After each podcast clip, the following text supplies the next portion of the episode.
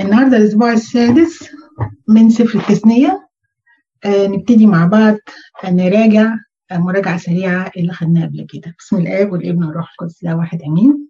فاكرين طبعا تقسيمة السفر وإحنا في المقدمة. في تقسيمة السفر اتكلمنا عن سفر التثنية إن هو خامس سفر من أسفار آه موسى. آخر سفر كتبه قبل وفاته وقبل نياحته على طول. السفر ده كله كان عبارة عن مجموعة من العظات والعظات دي فيها 613 وصية.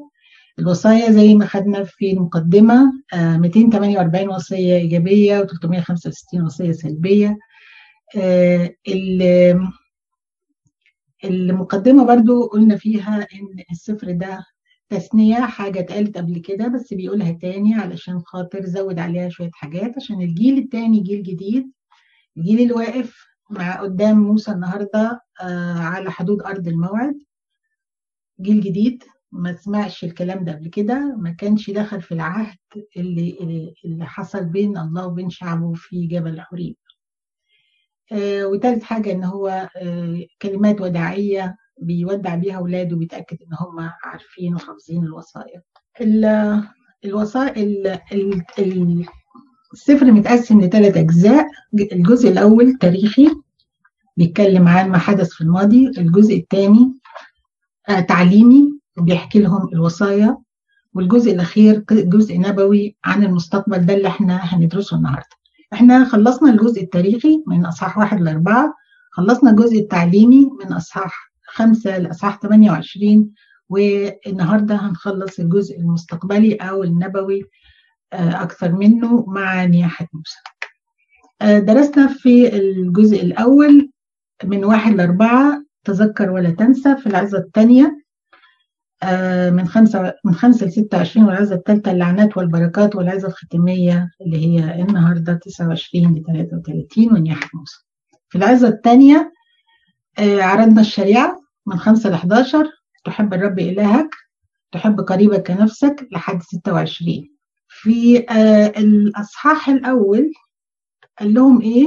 أنا عايزاكم تفتكروا كده لما موسى واقف مع شعبه الجيل الثاني على آه جبل على آه الضفة الشرقية لنهر الأردن قبل ما يدخلوا أرض الموعد بيحكي لهم اللي حصل بيقول لهم كفاكم قودا في هذا الجبل يلا بيحكي لهم لما حصل مع أبائهم من 40 سنة ربنا قال لهم كفاكم قعودا في هذا الجبل تحولوا وارتحلوا دخل وادخلوا وتملكوا. فاكرين لما كانوا موجودين في حريب وقال لهم 11 يوم من حريب إلى أرض الموعد.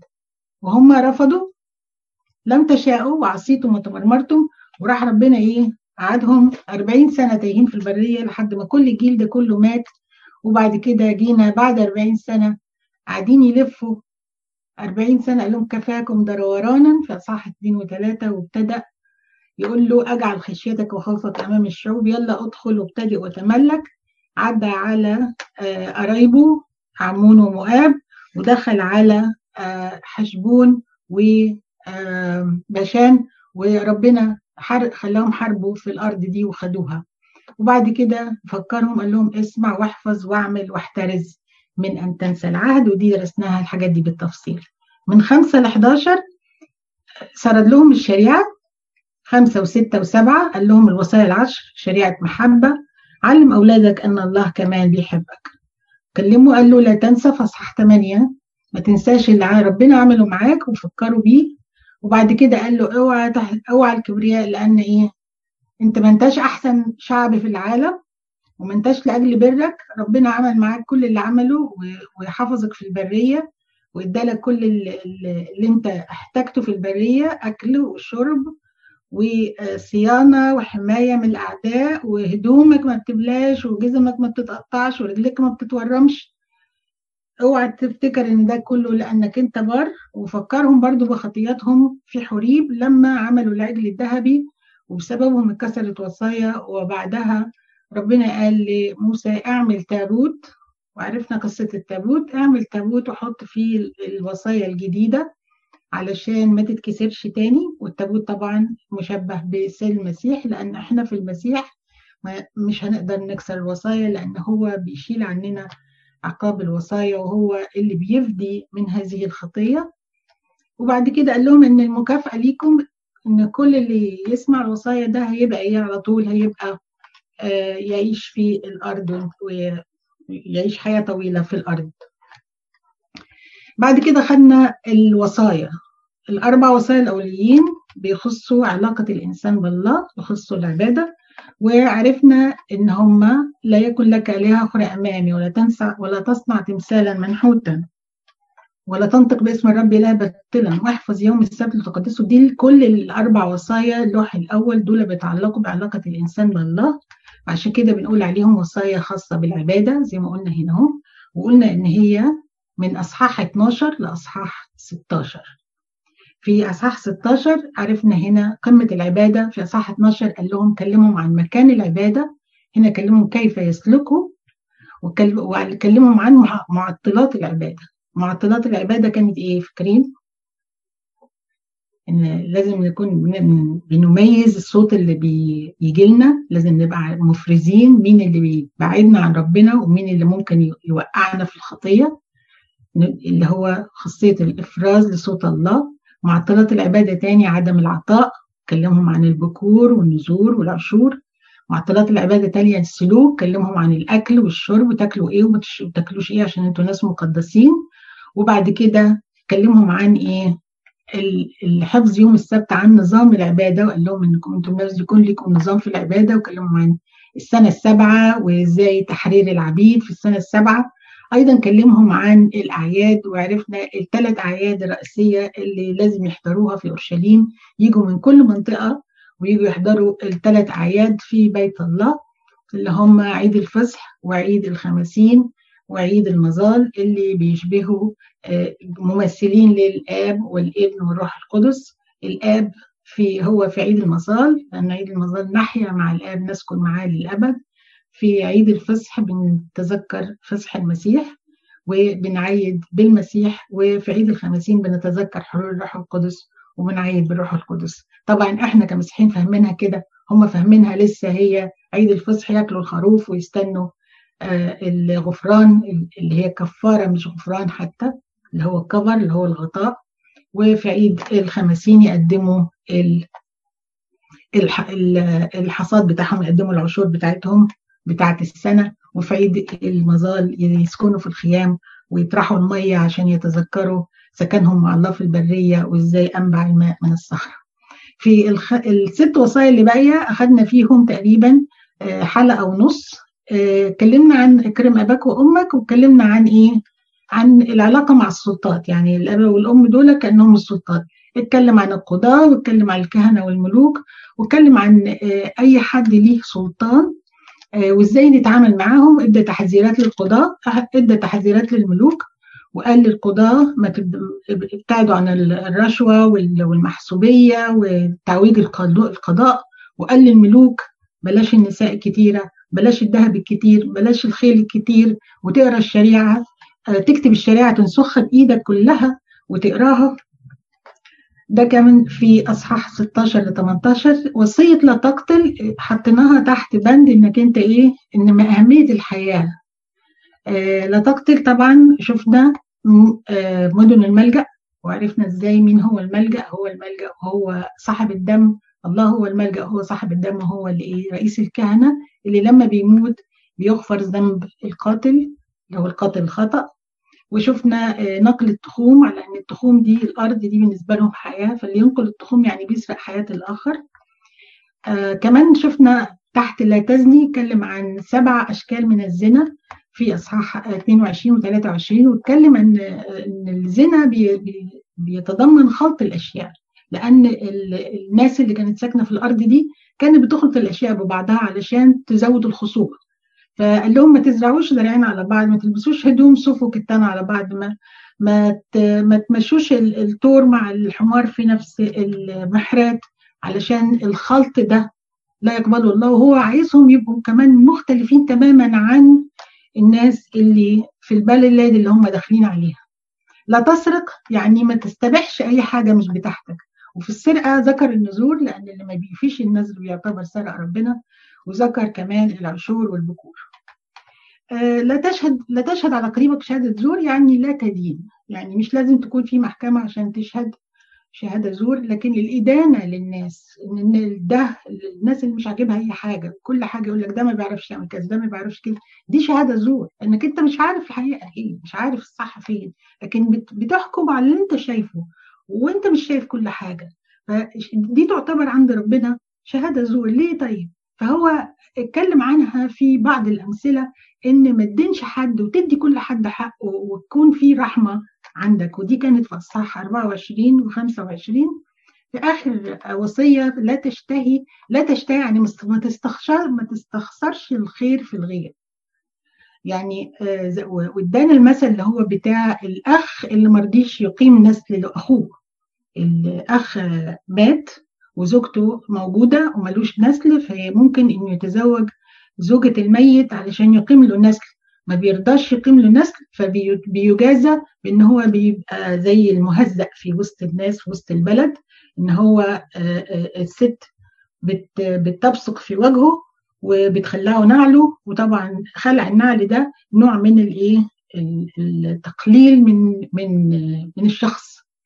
لازم الشخص يعرف مكانه. عشان كده يعني خلع النعل ده ليها ليها كلام كتير وليها عظات كتيرة. إن النعل وسيور الحذاء دي حاجة مهمة جدا. فاللي ما عندوش حذاء من لازم يبقى فاهم إن هو من في حد أعلى منه.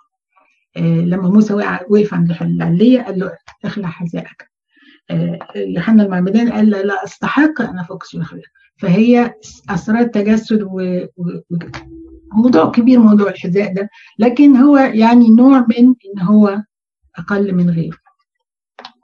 وده في أصحاح 25 بعد كده خدنا اللعنات والبركات وعرفنا تعريف البركة إن هي كل عطية صالحة كل موهبة تامة هي من فوق. دي اسمها بركة. نازله من عند أبي الأنوار الذي ليس عنده تغيير ولا ظل دوران.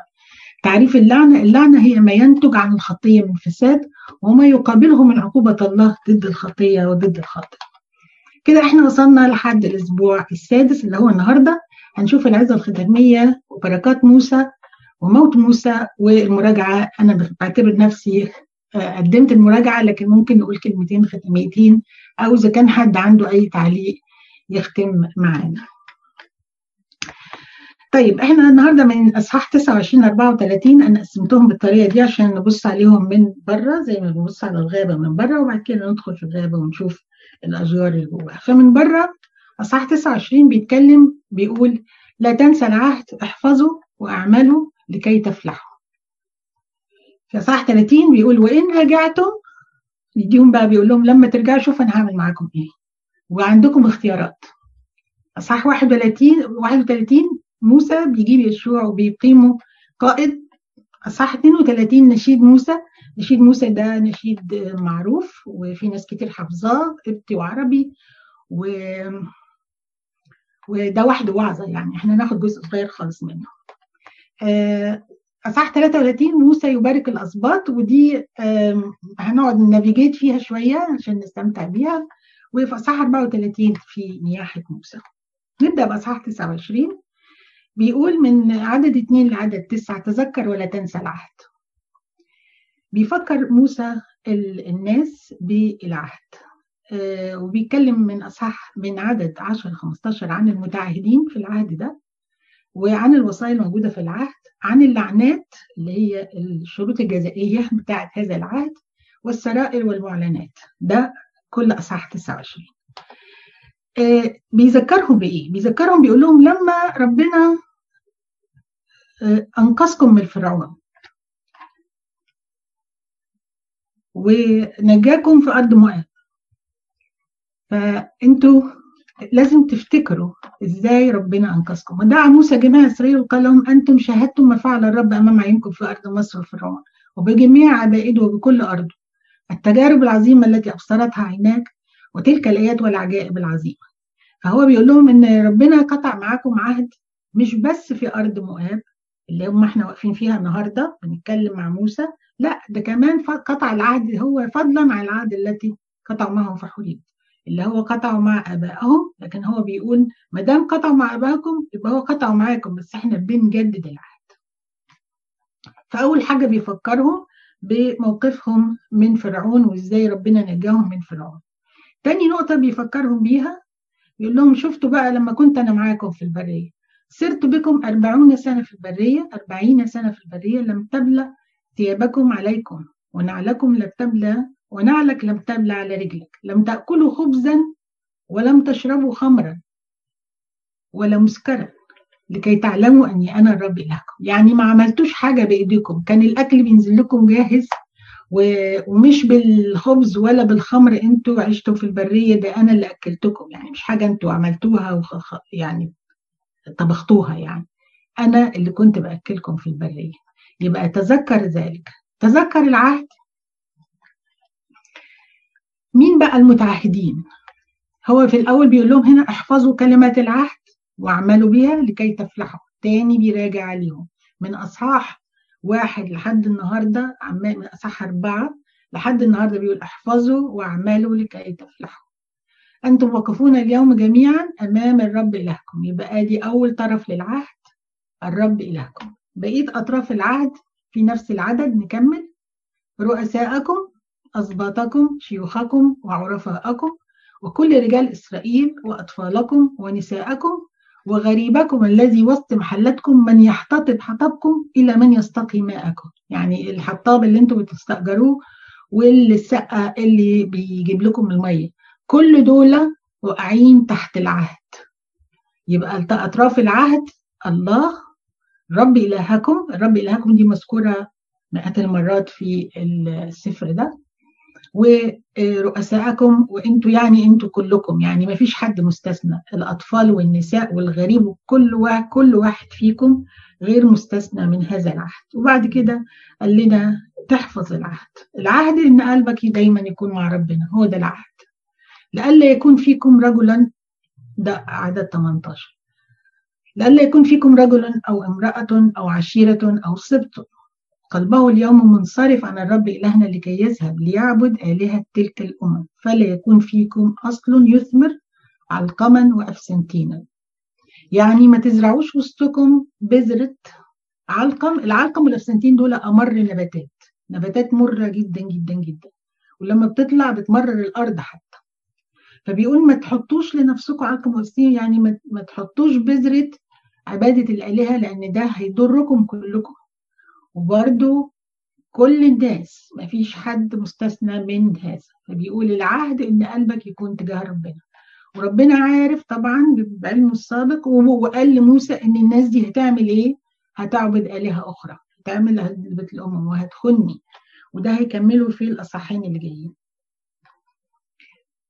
فبيقول له بقى برضو إحنا لسه في أصحاح إن لم تحفظ العهد هيجي لك بقى ويجرى لك اللي ده كبريت وملح كل أرض حريق.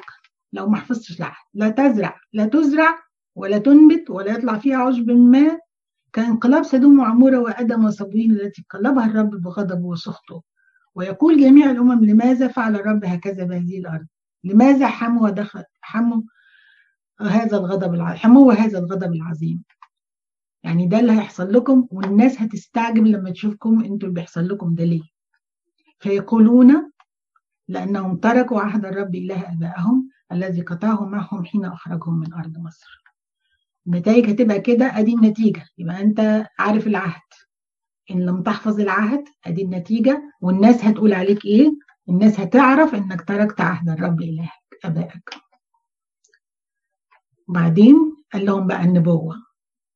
لما أنتوا تعملوا كده أستأصلهم الرب من أرضهم بغضب وسخط وغيظ عظيم.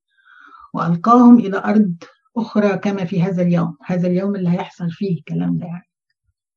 وفي الآخر ختم الأصحاح بإيه؟ السرائر للرب إلهنا والمعلنات لنا ولبنينا إلى الأبد. لنعمل بجميع هذه بجميع كلمات هذه الشريعة.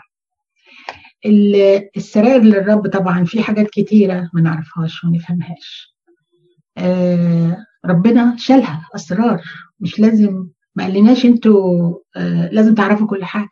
في أسرار كتيرة ما نقدرش نفهمها. ما نقدرش نفهمها عشان محدوديتنا لأن الله أبدي سرمدي غير محدود.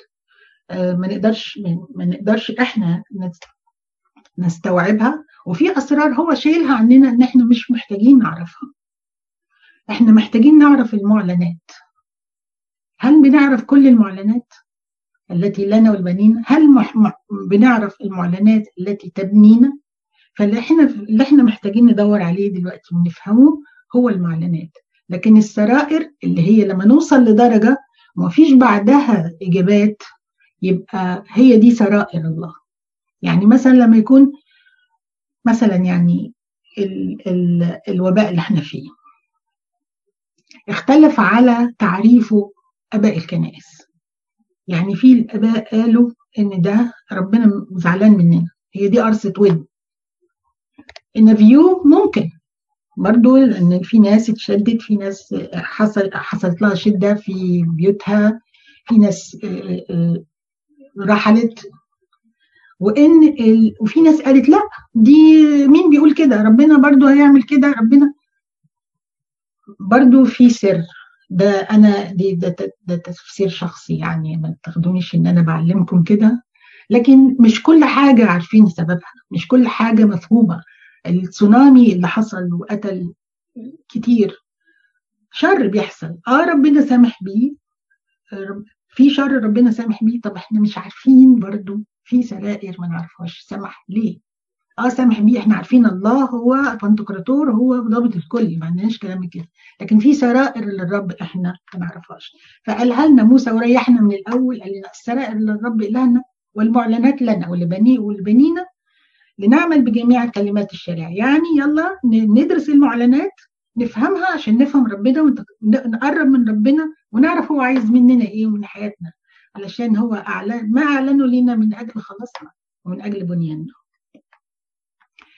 في أصحاح 30 بقى هيتكلم وإن رجعتم. يبقى في أصحاح 29 اتكلم عن إيه هي الشريعة من المتعهدين ولو عصيتم.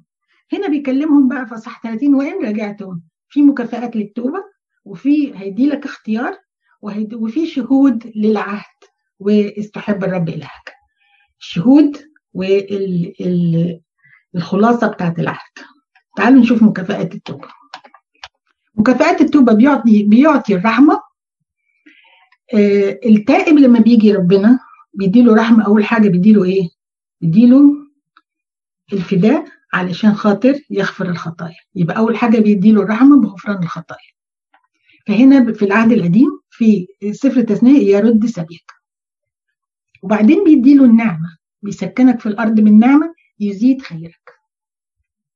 يبقى بيرد سبيك مكافأة التوبة. يرد سبيك يدينا غفران خطايا ويزيد خيرك يدينا إيه؟ الروح القدس ومواهب الروح وثمار الروح. كده إحنا طبقنا قربنا الكلام ربنا الواحد عشان نفهمه أكتر. فهنا الجزء الأول بيقول لك يرد سبيك يعطي الرب رحمة. بيقولها إزاي في آه في تثنية 30 عدد اتنين. لو رجعت ورجعت إلى رب إلهك وسمعت صوته حسب كل ما أنا أوصيك به اليوم أنت وبنوك بكل قلبك وبكل نفسك يرد الرب إله سبيك ويرحمك ويعود فيجمعك من جميع الشعوب الذي بددك الرب إلهك إليه ويختن الرب إلهك قلبك وقلب نسلك لكي تحب الرب إلهك من كل قلبك ومن كل نفسك لتحيا. يختن الرب إلهك الختان نوع من التكريس. أو التخصيص فيختن الرب إلهك قلبك وقلب نسلك يعني ربنا بيخصصك ليه ويملأ قلبك بحب الرب إلهك. لما تيجي تايب هيعرضك ويرحمك ويملاك بحبه هو اللي هيملاك بحب. يختن الرب قلبك وقلب نسلك لكي تحب الرب إلهك من كل قلبك ومن كل نفسك لتحت لأن محبة الله معطى لنا بالروح القدس الموجود فينا لأن هو قال لك بس تعالى تايب وهو هيديك المحبة على قد إخلاصك وعلى قد إيه؟ رجوعك يختن الرب قلوبنا. فنقول له يا رب اختن قلوبنا عشان تملانا بالحب اللي إحنا عايزين نحبك أكتر وأكتر. يعني ساعات كتير بنصلي نقول يا رب أنا عايزة أحبك أكتر أنا عايزة أبقى مشتاق إن أنا أقعد معاك أكتر. فهو هو عايز كده. وهو دي اشتياقه للبني البشر من أيام موسى ومن أيام الخليقة. وأما أنت فتعود لتسمع صوت الرب وتعمل بجميع وسائل التي أنا أوصيك بها وإن رجعتم هيدي النعمة. طبعا النعمة في سفر التثنية كانت كلها في عمل يديك في ثمرة بطنك بهائمك ثمرة أرض حاجات كلها حسية مرئية لأن الرب يرجع يفرح لك بالخير كما يفرح لك بالخير كما فرح لآبائك. ربنا فرحان بيك وهيدي لك الخير. إحنا الخير بتاعنا الخير هو طبعا ربنا بيحافظ علينا في الأرض وبيحافظ علينا في حياتنا وبيستر علينا وكل حاجة. لكن الخير اللي إحنا اللي هو بيبقى فرحان فعلا إن هو يدولنا هو المواهب الروح النمو في العلاقة معاه الاشتياق ليه دايما. كل دي ثمر ونعم هو بيملانا بيها. إذا سمعت صوت الرب إلهك لتحفظ وصاياه وفرائده المكتوبة في سفر الشريعة. في عدد 11 بيقول إن الوصية التي أوصيك بها اليوم ليست عسيرة عليك ولا بعيدة منك. ليست هي في السماء حتى تقول من يصعد لأجلنا إلى السماء ويأخذها لنا ويسمع ويسمعنا. إياها لنعمل بها. ولا هي في عبر البحر حتى تقول من يعبر لأجلنا البحر ويأخذ لنا ويسمعنا إياها لنعمل بها. اللي هي إيه؟ كلمة الله. الكلمة قريبة منك جدا في فمك وفي قلبك لتعمل بها. يعني هو بيقول لك ما تقولش إن الكلمة اللي بيقولها لي ربنا والعهد اللي بيقوله لي ربنا ده بعيد. أنا جبتها تاني هنا. إذ أن الوصية التي أوصيك بها ليست عاسرة عليك ولا بعيدة عنك. ما تقولش مين يصعد للسماء يجيبها لنا ولا مين يروح عبر البحر يجيبها لنا. الكلمة قريبة منك وفي فمك وفي قلبك لتعمل بها. الكلام ده كله قاله بولس الرسول في رومية عشرة من ستة لثمانية وأما البر الذي بالإيمان فيقول هكذا لا تقل في قلبك من يصعد إلى السماء اللي هي هنا. اللي يحضر المسيح أو من يهبط الآوية اللي يصعد المسيح. ماذا يقول؟ الكلمة قريبة منك وفي فمك وفي قلبك. أي كلمة الإيمان التي نكرس بها. يبقى الكلمة مش محتاجة لف ودوران. الكلمة قريبة مننا وفي فمنا وفي قلوبنا. الوصية ليست عسرة وموجودة قدامنا في كل وقت. آه لما آه اتكلم عن العهد واتكلم عن العودة في أصحاح برضو 30 في عدد 19 دخل الشهود. إحنا قلنا إحنا بنعمل عهد بيبقى فيه شهود وفي إمضاء للعهد وفي عقوبات وشروط جزائية. هنا جاب الشهود. أشهد عليكم السماء والأرض. قد جعلت قدامك الحياة والموت البركة واللعنة فاختار الحياة لكي تحيا أنت ونسلك. افتكروا ربنا بيحط الاختيار قدام الإنسان من أول آدم. فاكرين في جنة عدن حط الاختيار قدام آدم وآدم اختار إنه يبعد عن الله وإنه يعرف الشر بطريقته هو اللي عايزها. حط الاختيار قدام قايين وقال له اختار الحياة. قدامك طريقين الحياة والموت اختار الحياة وبرضه اختار الموت. ولحد النهاردة والآخر يوم في حياة الإنسان ربنا لسه حاطط الاختيار. والإنسان ليه إنه يختار. في كل اختيار بيبقى ليه نتيجة. في طريق ضيق نتيجته الحياة وفي طريق واسع نتيجته الموت. يا تختار الطريق ده يا تختار الطريق ده. ما ينفعش تختار النتيجة واحدة وطريق غيره. كل طريق بيؤدي لنتيجة واحدة. فيا دوبك لو لو اخترت النتيجة لو قلت عايز أروح ملكوت يبقى طريقك ضيق. فهو بيقول لنا دايما نختار إحنا قدامنا الاختيار. ربنا مش بييأس مننا ابدا. ولسه فاتح كل الطرق كل البيبان قدامنا. ولما تاه الخروف الضال طلع وراه علشان يجيبه. هو مش بييأس ابدا مننا فإيه بقى الحياة اللي بيقولها؟ اختار الحياة. الحياة استحب الرب إلهك وتسمع للصوت وتلتصق به لأنه هو حياتك. والذي يطيل أيامك لكي تسكن على الأرض. التي حلف الرب لأبائك إبراهيم وإسحاق ويعقوب أن يعطيها له إصحاح 31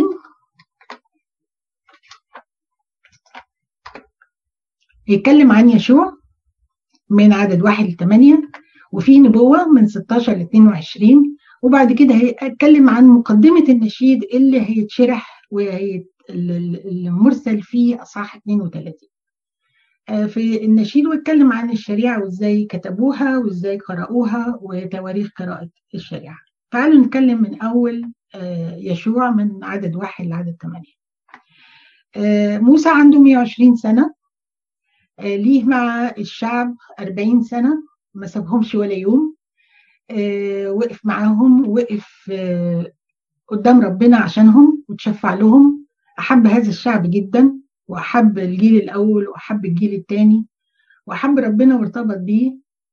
وفي نفس الوقت مشتاق جدا إنه يروح فين؟ إنه يروح لأرض الموعد. ترجى ربنا كم مرة؟ كتير. ربنا قال له خلاص أنت مش هتخش يعني أنت مش هتخش خلاص ما تطلبش مني الطلب التاني سكت. ولما ربنا قال له حط يشوع مكانك ما زعلش وما قالوش ليه واشمعنى ويشوع ده عمل إيه وأنا عملت إيه. ده أنا ده أنا اللي بخدمك. ما قالش حاجة خالص. دعا موسى يشوع وقال له أمام أعين جميع إسرائيل تشدد وتشجع لأنك أنت تدخل مع هذا الشعب الأرض التي أقسم الرب لآبائهم أن يعطيهم إياها وأنت تقسمها لهم والرب يسائر أمامك وهو يكون معك ولا يهملك ولا يتركك لا تخف ولا ترتعب في كلام أجمل من كده لأب خادم للمخ... لل... للي خدمهم واللي علمهم واللي كبرهم وهياخدوا المكانة اللي كان نفسه هو يوصلها لكن هو ربنا طاعته. وخضوعه لربنا واستسلامه ما خليهوش يغضب ويقول شوف لي حد تاني يحط يشوع. خلاص مش هتدخلني حد تاني يحط يشوع. ما عملش كده. النبوة بقى اللي في أصح 31 قال لهم برضو رجع ربنا يقول لهم شوف يا موسى أنت هترقد مع أبائك فيقوم هذا الشعب ويفجر وراء آلهة الأجنبيين في الأرض الذي هو داخل إليها. فيما بينهم ويتركني وانكساحي نفس الكلام اللي قاله في الصح كام؟ 29 اللي ابتدينا بيه. فيشتعل غضبي عليه وأتركه وأحكم وجهي عنه فيكون مأكلة. مأكله I'm sorry مأكله ونصيبه شرور كثيرة وشدائد حتى يقول في ذلك اليوم أما لأن إلهي ليس في وسطي. أصابتني هذه الشرور. وأنا أحجب وجهي في ذلك الوقت لأجل جميع الشر إذا التفت إلى آلهة أخرى. أكتر حاجة بتضايق ربنا إن إحنا نحطه رقم اتنين ولا تلاتة ولا أربعة. دايما بيبقى ال ال عندنا حكاية إن إحنا لينا أولويات. هل ربنا هو أول حاجة لينا؟ هو ده اللي أكتر حاجة بتضايق ربنا. يقول لك بيفجر وراء آلهة أخرى آلهة الأجنبيين. التفت إلى آلهة أخرى. طبعا ما عندناش إحنا أصنام بنعبدها لكن عندنا أشياء بنعبدها. عبدنا الأشياء وعبدنا أنفسنا وعبدنا راحتنا. ساعات الراحة بالنسبة لنا آلهة. ساعات ولادنا ساعات أشياء تاني وظايفنا كاريرنا الكلام ده قلناه قبل كده. لكن برضو هو ده أكتر حاجة بتضايق ربنا إن إحنا نحط حد أو حاجة آه إله above above him يعني أعلى منه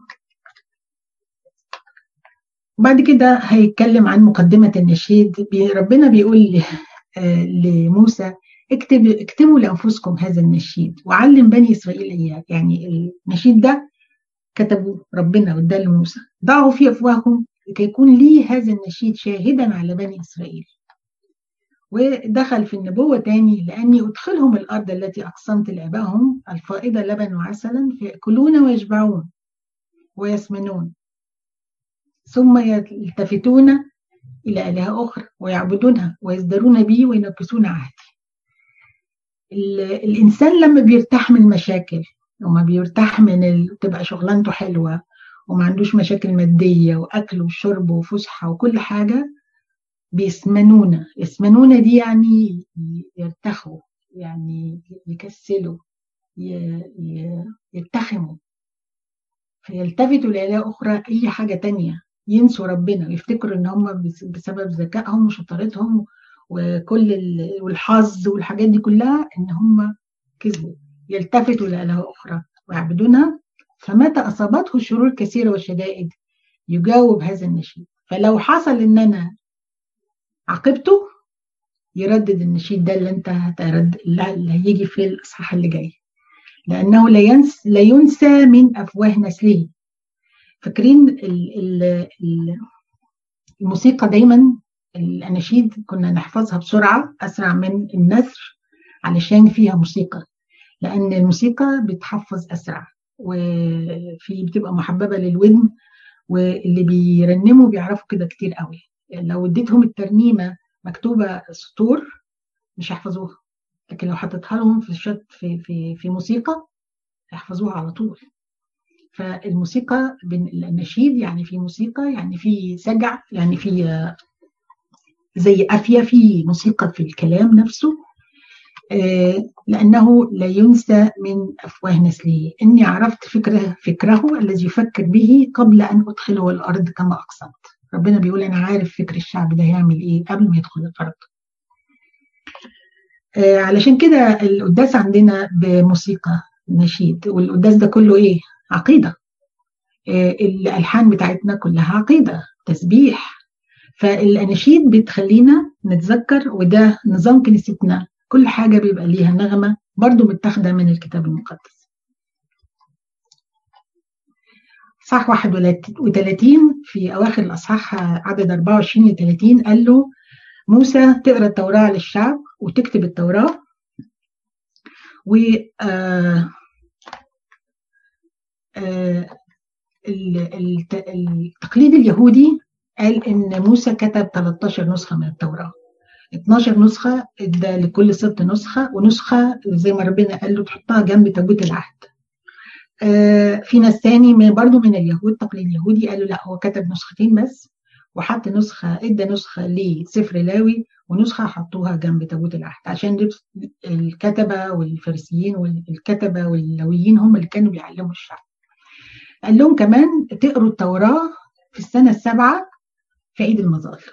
لأن في عيد المظال بيتجمع الشعب كله ويقيموا مع بعض في مدينة أورشليم لمدة أسبوع ف بيجمعوا من كل بلاد وبيعملوا خيام زي ما حكيت لكم المرة اللي اتكلمنا فيها الأعياد ويقعدوا فوق سطوح البيوت في الشوارع في في في الساحات ويقعدوا فكانوا بيقروا التوراة كلها كل سابع سنة على مسامع الشعب. مش قراية بس كانوا بيقولوا إن هي قراية ودراسة.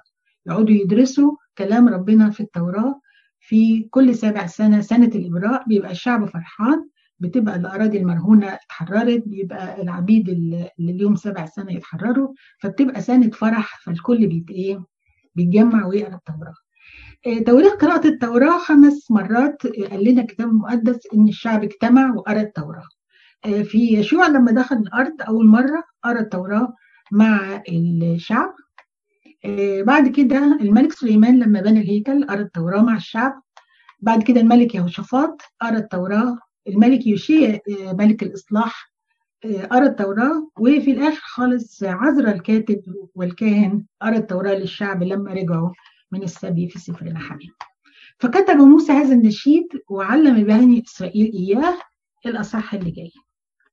أنا مش هقدر أقرأ النشيد كله لكن اخترت جزء من النشيد علشان نبص عليه مع بعض. النشيد ده مفتاح نبوات الأمة اليهودية. فيه كل النبوات اللي هتحصل من أول ما ابتدوا من أول ما ربنا آآ آآ التقى بيهم لحد ما رجعهم. بيبدأ بتمجيد بيمجدوا الله واسم الله. وبعد كده بيحكي النشيد على ميلاد الأمة اليهودية إزاي ربنا لقاها في القفر وإزاي أكلها وشربها وسمنها وبعد كده إزاي ارتدت عنه وراحت وراء آلهة أخرى وإزاي ربنا عاقبها وداها الأسر وإزاي رجعت لما تابت رجعت. نشيد جميل جدا. بتقراها الكنيسة في يوم سبت النور بعد تسبيحة دي التسبيحة الثانية لموسى. في تسبيحة الأولى لموسى اللي هي الهوس الأول. بيتقال في تسبيحة نص الليل في سبت النور بيتقال الهوس الأول وبعديها على طول النشيد بتاع موسى اللي هو أصحاح 32 في سفر التثنيه يوم سبت النور. أنا هاخد بس جزء منه علشان نستمتع بيه. بيقول آه اللي بينشد ده بيتكلم على أن الله عمل إيه مع إسرائيل. بيقول أركبه على مرتفعات الأرض فأكل ثمار الصحراء. ثمار الصحراء هي الصحراء فيها ثمر وأرضه عسلت من حجر. شوف التشبيهات الجميلة. وزيتا من صوان الصخر. لا في عسل في الحجر ولا في زيت من صوان الصخر. يعني احياه حياة جميلة تأكل ثمار وعسل وزيت من لا شيء من من الكفر. وزبدة بقر ولبن غنم مع شحم خراف وكباش أولاد بشان. بشان دي مراعي كانت غنية جدا. كباش أولاد بشان. وتيوس مع دسم لب الحنطة. ودم العنب شربته خمرا. يعني دم العنب ده سبته لحد ما خمر وشربته خمرا. يعني كنت قد كده شبعان. دم العنب اللي هو عصير العنب فسمن يشورون. في حد سألني على يشورون فأنا يعني هحكي لهم مين يشورون. يشورون ده الاسم الشعري لإسرائيل. ذكر أربع مرات ثلاث مرات في سفر التثنية ومرة في سفر الشيار سمن يشورون سمنة إسرائيل ورفس يعني رفض رفس رفض اللي هي زي الحيوان لما بيرفس سمنت وغلظت سمنت بيكلموا بقى سمنت وغلظت واكتسيت شحما. فرفض الإله الذي عمله وغبي عن صخرة خلاصه. بعد كده عشان ده شعر فتلاقي الشعر ساعات يتكلم first person وساعات يتكلم second person فهنا في سمن يشورون بعد كده بيكلمه هو بيقول له سمنت وغلظت واكتسيت شحما. وبعد كده بيتكلم تاني ال first person فرفض الإله عمله وغبي عن صخرة خلاصه. أغروه بالأجانب وأغاظوه بالأرجاس. دول بني إسرائيل أغاروا الله بالأجانب. خليه يغير. وأغاظوه بالأرجاس. عملوا ركس قدام ربنا. ربنا يكره الإله الآلهة الأجنبية ويكره الأرجاس. يعني بيغيظوا ربنا. هم أغاروني بما ليس إلها. يعني حتى الحاجات اللي بنحبها وبنعملها ما هيش آلهة حتى. انهم يا جماعة دول مش آلهة. ده أنا عملت الحاجات دي عشانكم أنتوا عشان راحتكم. إذا كان المال ولا الأولاد ولا الكارير ولا ولا الراحة ولا أي حاجة. هم أغاروني بما ليس إلها. اللي أنا خلقته عشانهم. أغاظوني بأباطيلهم. فأنا أغيرهم يعني أنا هضايقهم بما ليس شعبا. بأمة غبية أغيظهم. في في في الفترة اللي تاريخ الوضع يعني بيقول إن الفترة اللي دخل فيها بني إسرائيل الأرض الموعد ربنا جاب شعب من غرب أوروبا من أوروبا نفسها يعني من الغرب يقال إن هم إما من أسبانيا أو من كريت لما نقرأ عن الكريتيون I think ذكروا في سفر هوشع. دول جم وسكنوا في حتة شريحة كده من أرض فلسط... أرض الموعد بس مش من المخصصة لشعب إسرائيل. اسمها اسمها قطاع غزة وقطاع غزة دي سكنوا فيها هؤلاء الفلسطينيين. الفلسطينيين اللي هم حاربوا شاول وحاربوا داوود ما هماش الفلسطينيين العرب اللي إحنا نعرفهم دلوقتي. الفلسطينيين اللي حاربوا شاول وحاربوا داوود دول هم اللي جم من الغرب واستوطنوا هنا ربنا جابهم في نفس الوقت مع شعب إسرائيل لأنه بعلمه السابق عارف إن شعب إسرائيل هينحرف وهيعبد آلهة أخرى وهيغير الله ويغيظ الله بالرجسات فجاب لهم الشعب اللي هم ليس شعبا وأمة غبية غيظهم اللي هم بقوا يضايقوهم في معظم حياتهم. أصحاح 33 مباركة الأسباط. آه موسى خلاص هيمشي. آه عايز يودع ولاده عايز يديهم بركة. آه ف بص على سبط سبط طبعا كل ده بالوحي المقدس مش حاجة من عند موسى. لكن هو بص على سبط سبط وابتدى يتكلم عن كل سبط وإيه اللي هيحصل معاه لما يدخلوا أرض الموعد.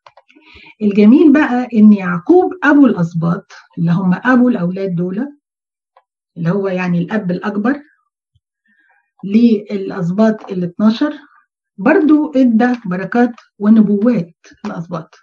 لأن يعقوب كان بيدي نبوات أكتر منها آه بركات لأولاده ال 12 موسى برضو إدى بركات لل 12 ست. في اختلاف طفيف هنمشي عليهم واحد واحد.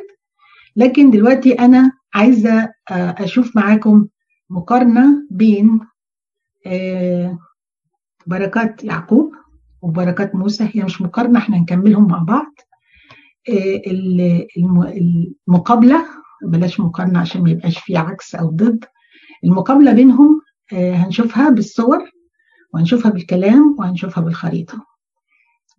أنا فعلا يعني استمتعت جدا بدراسة الاسباط دي ونظرة موسى إزاي لاولاده ونظرة نظرة يعقوب إزاي لولاده ونظرة موسى إزاي للأسباط الحكاية الأسباط دي برضو ذكرت مرة تانية في سفر الرؤيا اتكلم برضو عن كل سبت. لستة الأسباط ذكرت كتير جدا في الكتاب المقدس. فمش هقول عددهم كام لأن هم فعلا كتير يعني في عهد الأسفار يعني في في كم سفر كده ذكروا أكتر من 12 مرة. فمش مش مش هي دي التعداد. أنا تعالوا ندخل على الجزء بتاع الأسباط. قبل ما يتكلم عن الأسباط ربنا بيقول إن كان في يشورون ملكا. برضو قلنا يشورون. كان في يشورون ملكا حين اجتمع رؤساء الشعب أسباط إسرائيل معا. مين الملك؟ يشورون دي إسرائيل. مين الملك؟ هو الله.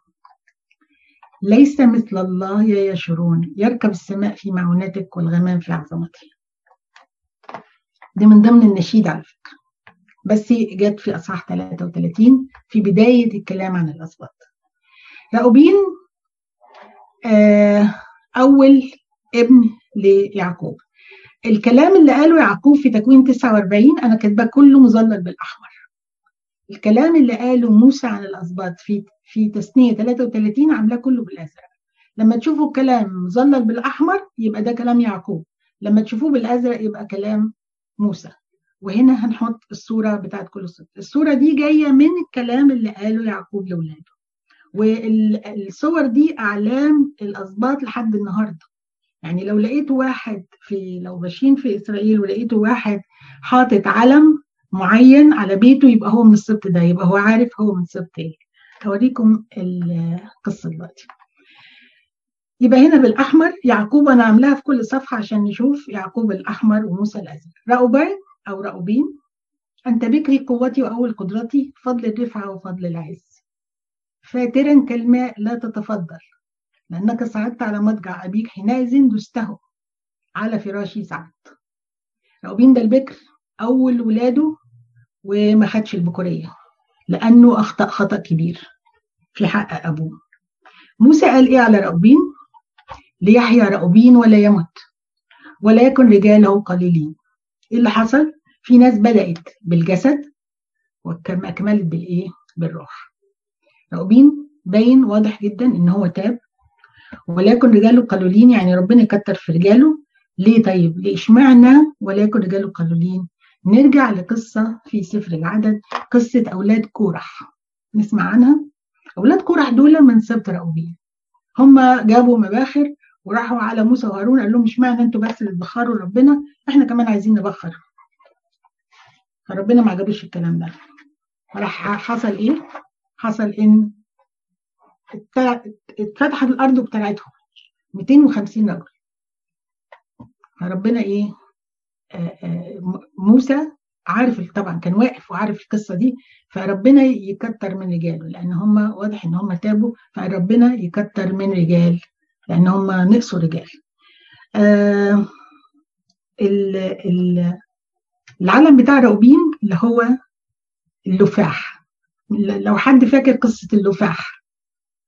اللفاح ده آه جدر نبات بيطلع في الحقول أيام حصاد الحنطة. فراؤوبين وهو صغير لقى اللفاح ده فرجع بيه لأمه شافته رحيل قالت له اديني قالت لأمه اللي هي ليئة ابن ليئة راؤوبين فرحيل قالت لليئة اديني من لفاح ابنك. إيه حكاية اللفاح دي؟ اللفاح ده من الجذور اللي بيستعملوها في وصفات بلدي يعني حاجة في الكلور. من ضمن الوصفات اللي بيستعملوا فيها اللفاح ده اللي هو علاج العقم. ورحيل كانت في الوقت ده ما عندهاش ولا ابن كانت ليئة معاها أربع ولاد ورحيل لسه ما خلفتش خالص. فقالت لها اديني من لفاح ابنك. قالت لها لا.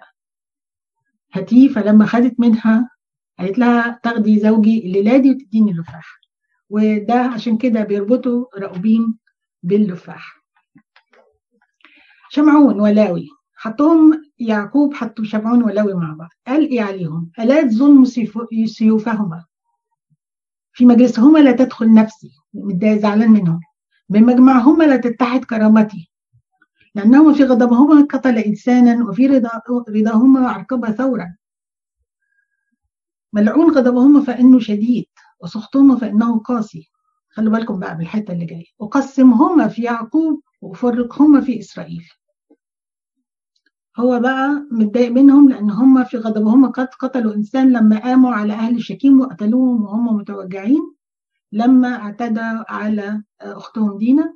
وفي رضاهما يعني هم بيهرجوا عرقبة ثورا يعني أذوا تور بحيث إن هو ما يقدرش يتناسل بعد كده. يعني هم مش عاجب مش عاجبينه ودعا عليهم بصراحة وقسمهما في يعقوب وفرقهما في إسرائيل. قال إيه بقى عليهم؟ الشمعون الرمز بتاعه بيت. قال إيه عليهم موسى؟ ما جابش سيرة شمعون خالص. لم يذكر موسى شمعون خالص. شمعون ده كان معروف إن هو كان قوي وكان إنسان كويس بس كان اجريسيف شوية كان يعني متهور شوية.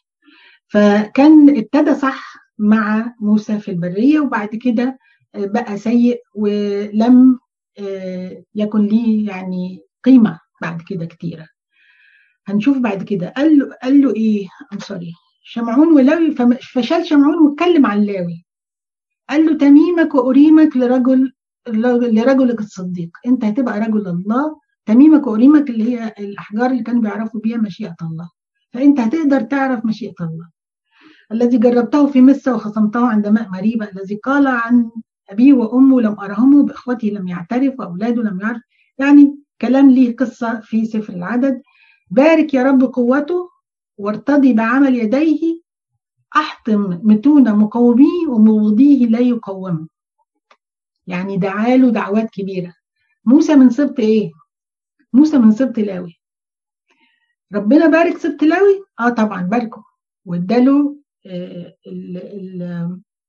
ال privilege أو الميزه ان هو يبقى خادم تابوت العهد وخادم الهيكل. السبت كله وأولاد هارون رؤساء الكهنه فإيه بقى؟ فاداله يبقى هنا ما خدش شمعون حاجة وإدى سبت لاوي اللي هي الصدرية العلم بتاعها اللي هي صدرية الكاهن اللي فيها أحجار الأحجار الثمينة بتاعت اللي ترمز للتلاميذ الإثنى عشر.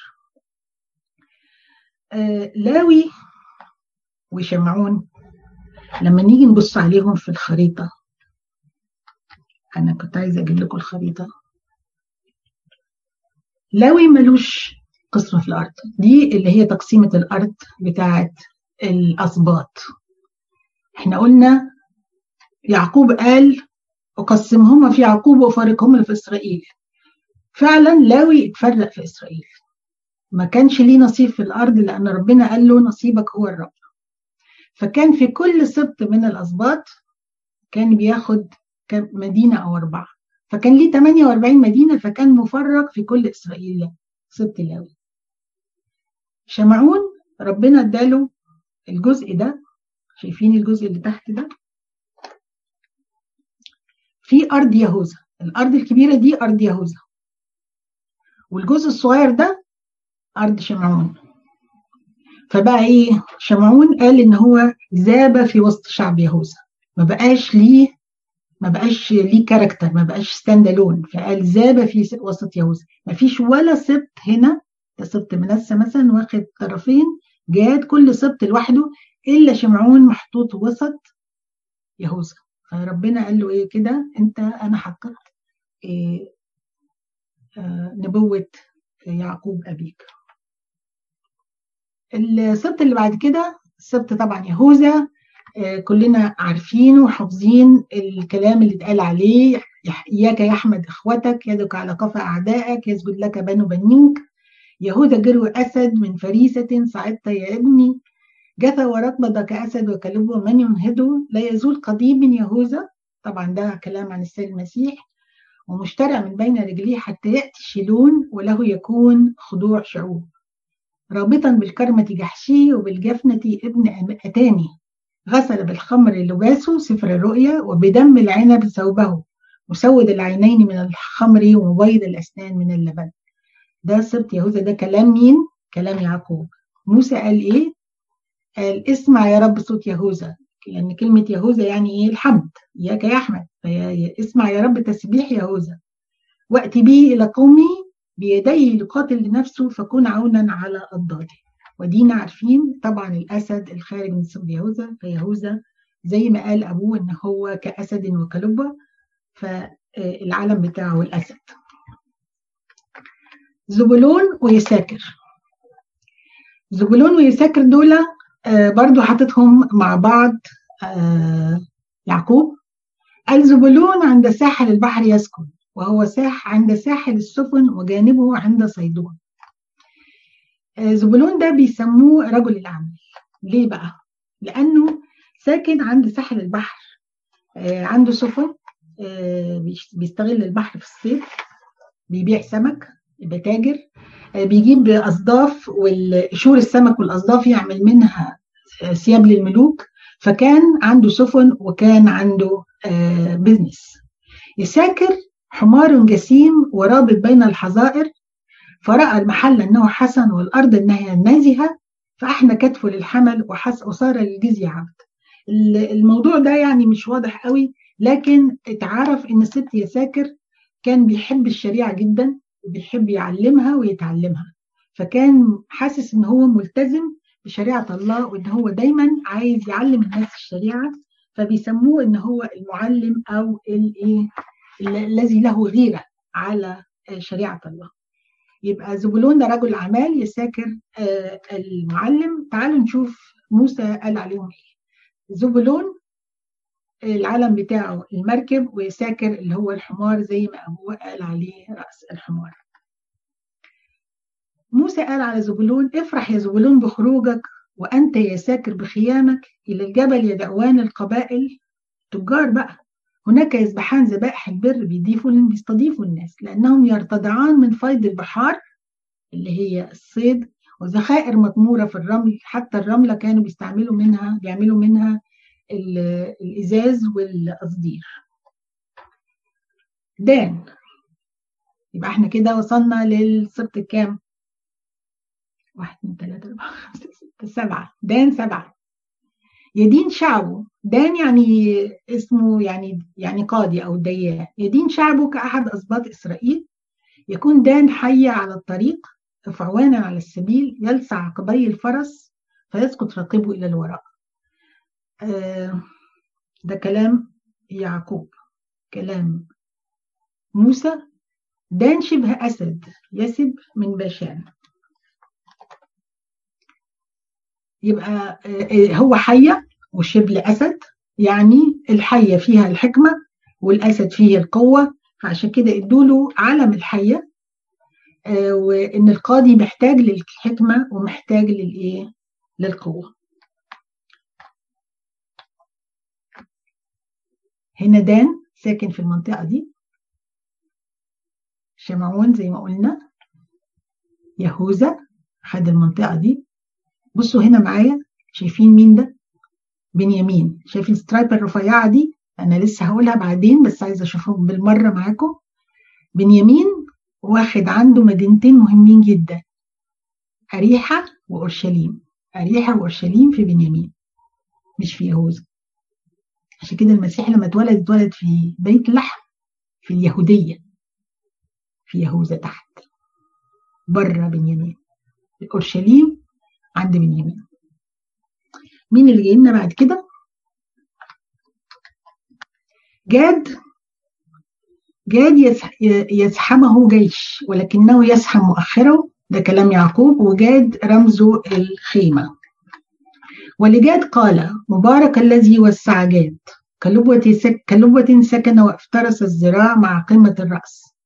ورأى الأول لنفسه لأنه كان هناك لأنه هناك قسم من الشارع محفوظا فأتى رأسه للشعب يعمل حق الرب وأحكامه مع إسرائيل. جاد ده آه سبط مهم جدا في آه العهد القديم لأنه جاء منه آه ناس أصدقاء داوود جه منه شمشون من سبط جاد كانوا ساكنين في منطقة فيها أسود.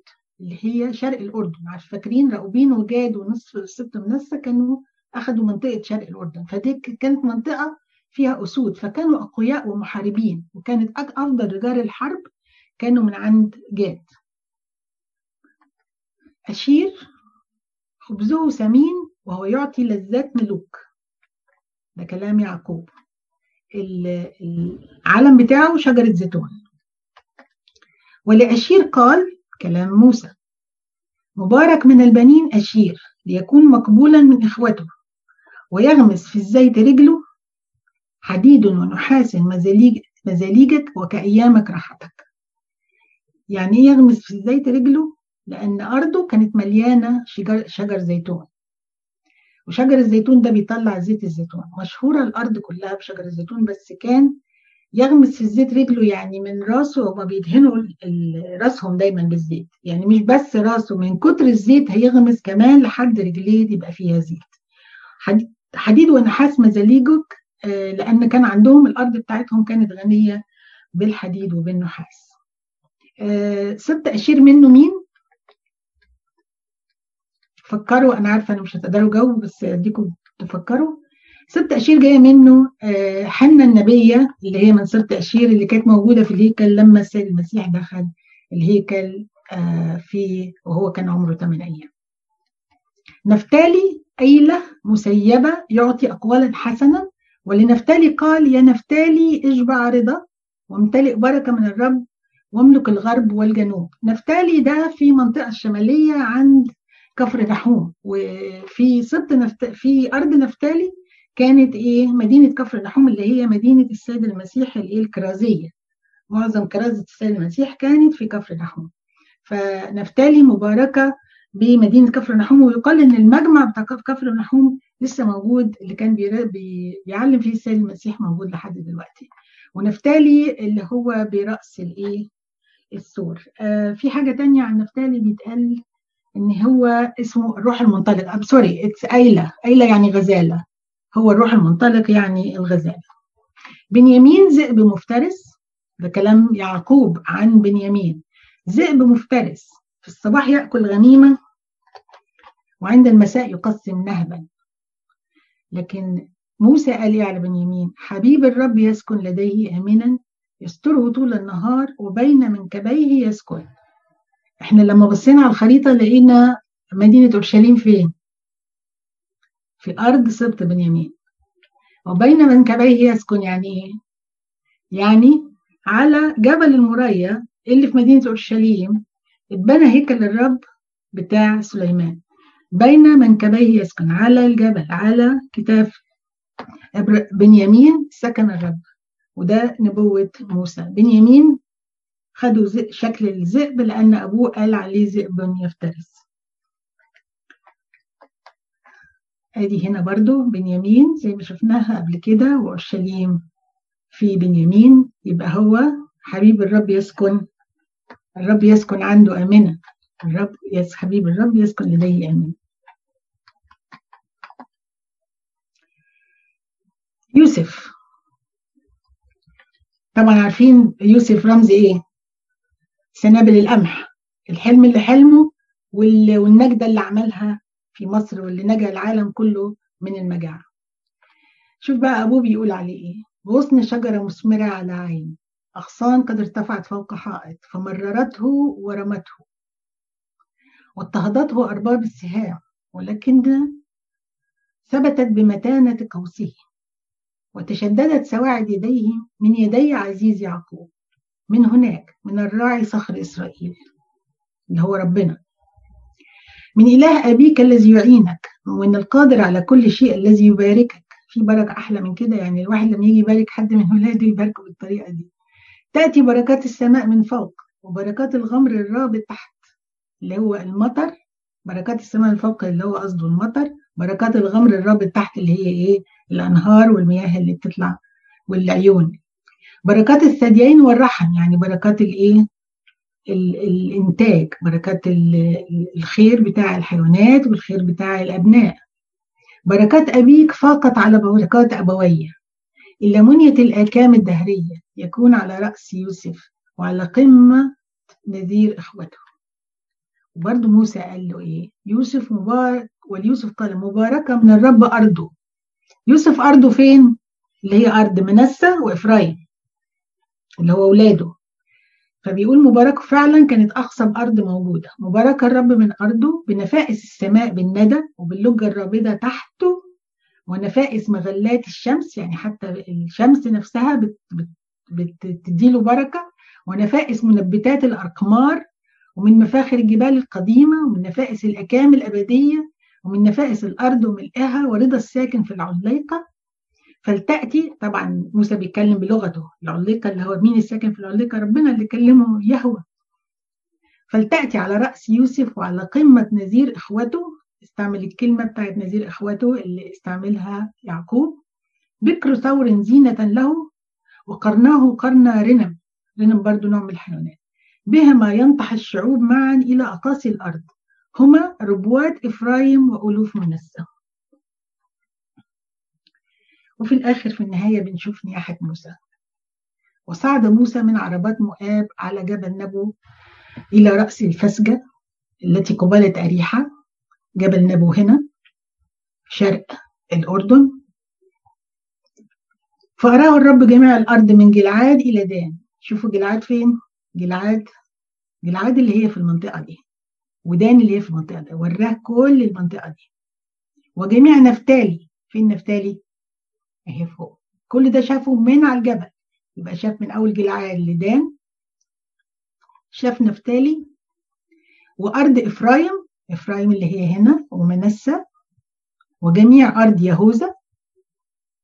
إلى البحر الغربي اللي هو ده. كل ده شافه موسى ربنا خده وراله كل حاجة.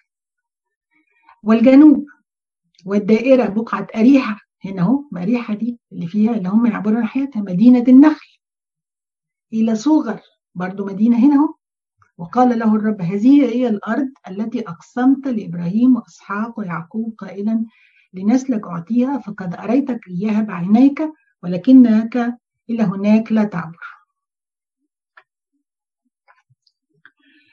آه نراجع بسرعة ال ال الأسباط. حطيتهم كده رصيتهم جنب بعض. ومنسى وإفرايم اللي هم أولاد يوسف دي هي الأرض الخصبة اللي ما شفناهاش المرة اللي فاتت اللي هي دي. آه هنا يساكر اللي ساكن على البحر اللي هو إيه الراجل اللي عنده المركب وبيتاجر في السمك. زبلون ده اللي ساكن جنبيه اللي عايش في الخيمة. فين زبلون زبولون هنا. I'm sorry يساكر هو زبولون هو اللي عايش على البحر ويساكر اللي عايش في الخيمة. المهم أشير ونفتالي فوق أشير على البحر وده قال لنا سبط أشير ده. سبط بنيامين برضو ليه ولاد زي سبط أشير كده. حنا النبي مين أولاد سبط بنيامين. شاول الملك شاول الطرسوسي واستير الملكة من سبت بنيامين. هم الثلاثة دول من سبت بنيامين. أنا كده الوقت بتاعي خلص بس هقول لكم إن ربنا دفنه دفن موسى في الجواء في أرض مؤاب مقابل بيت فغور ولم يعرف إنسان قبره إلى هذا اليوم وكان موسى ابن 120 سنة حين مات ولم تكل عينه ولا ذهبت نضارته. يا بخته وأما ميخائيل ده من سفر تاني بقى الآية المظللة بالأصفر دي هسيبها لكم أنتوا تقولوا مكتوبة في أي سفر. وأما ميخائيل رئيس الملائكة فلما خاصم إبليس محاجا عن جسد موسى لم يكسر أن يورد حكم افتراء بل قال لينتهرك الرب. وأنا كده ختمت السفر وبقول لكم لما نيجي نقرأ السفر تاني نبص على إن محبة الله إن ربنا فاجئنا بكلمات المحبة من عنده لينا.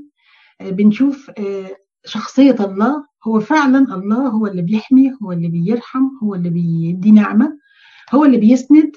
وفي نفس الوقت هو الله اللي عنده عقاب.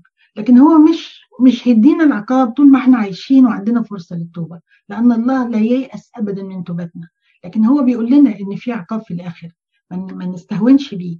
وادانا مثل إزاي هو كان بيعاقب شعب إسرائيل. لكن كان بيرجع يرحمهم لما كانوا بيتوبوا وبيرجع يرجعهم.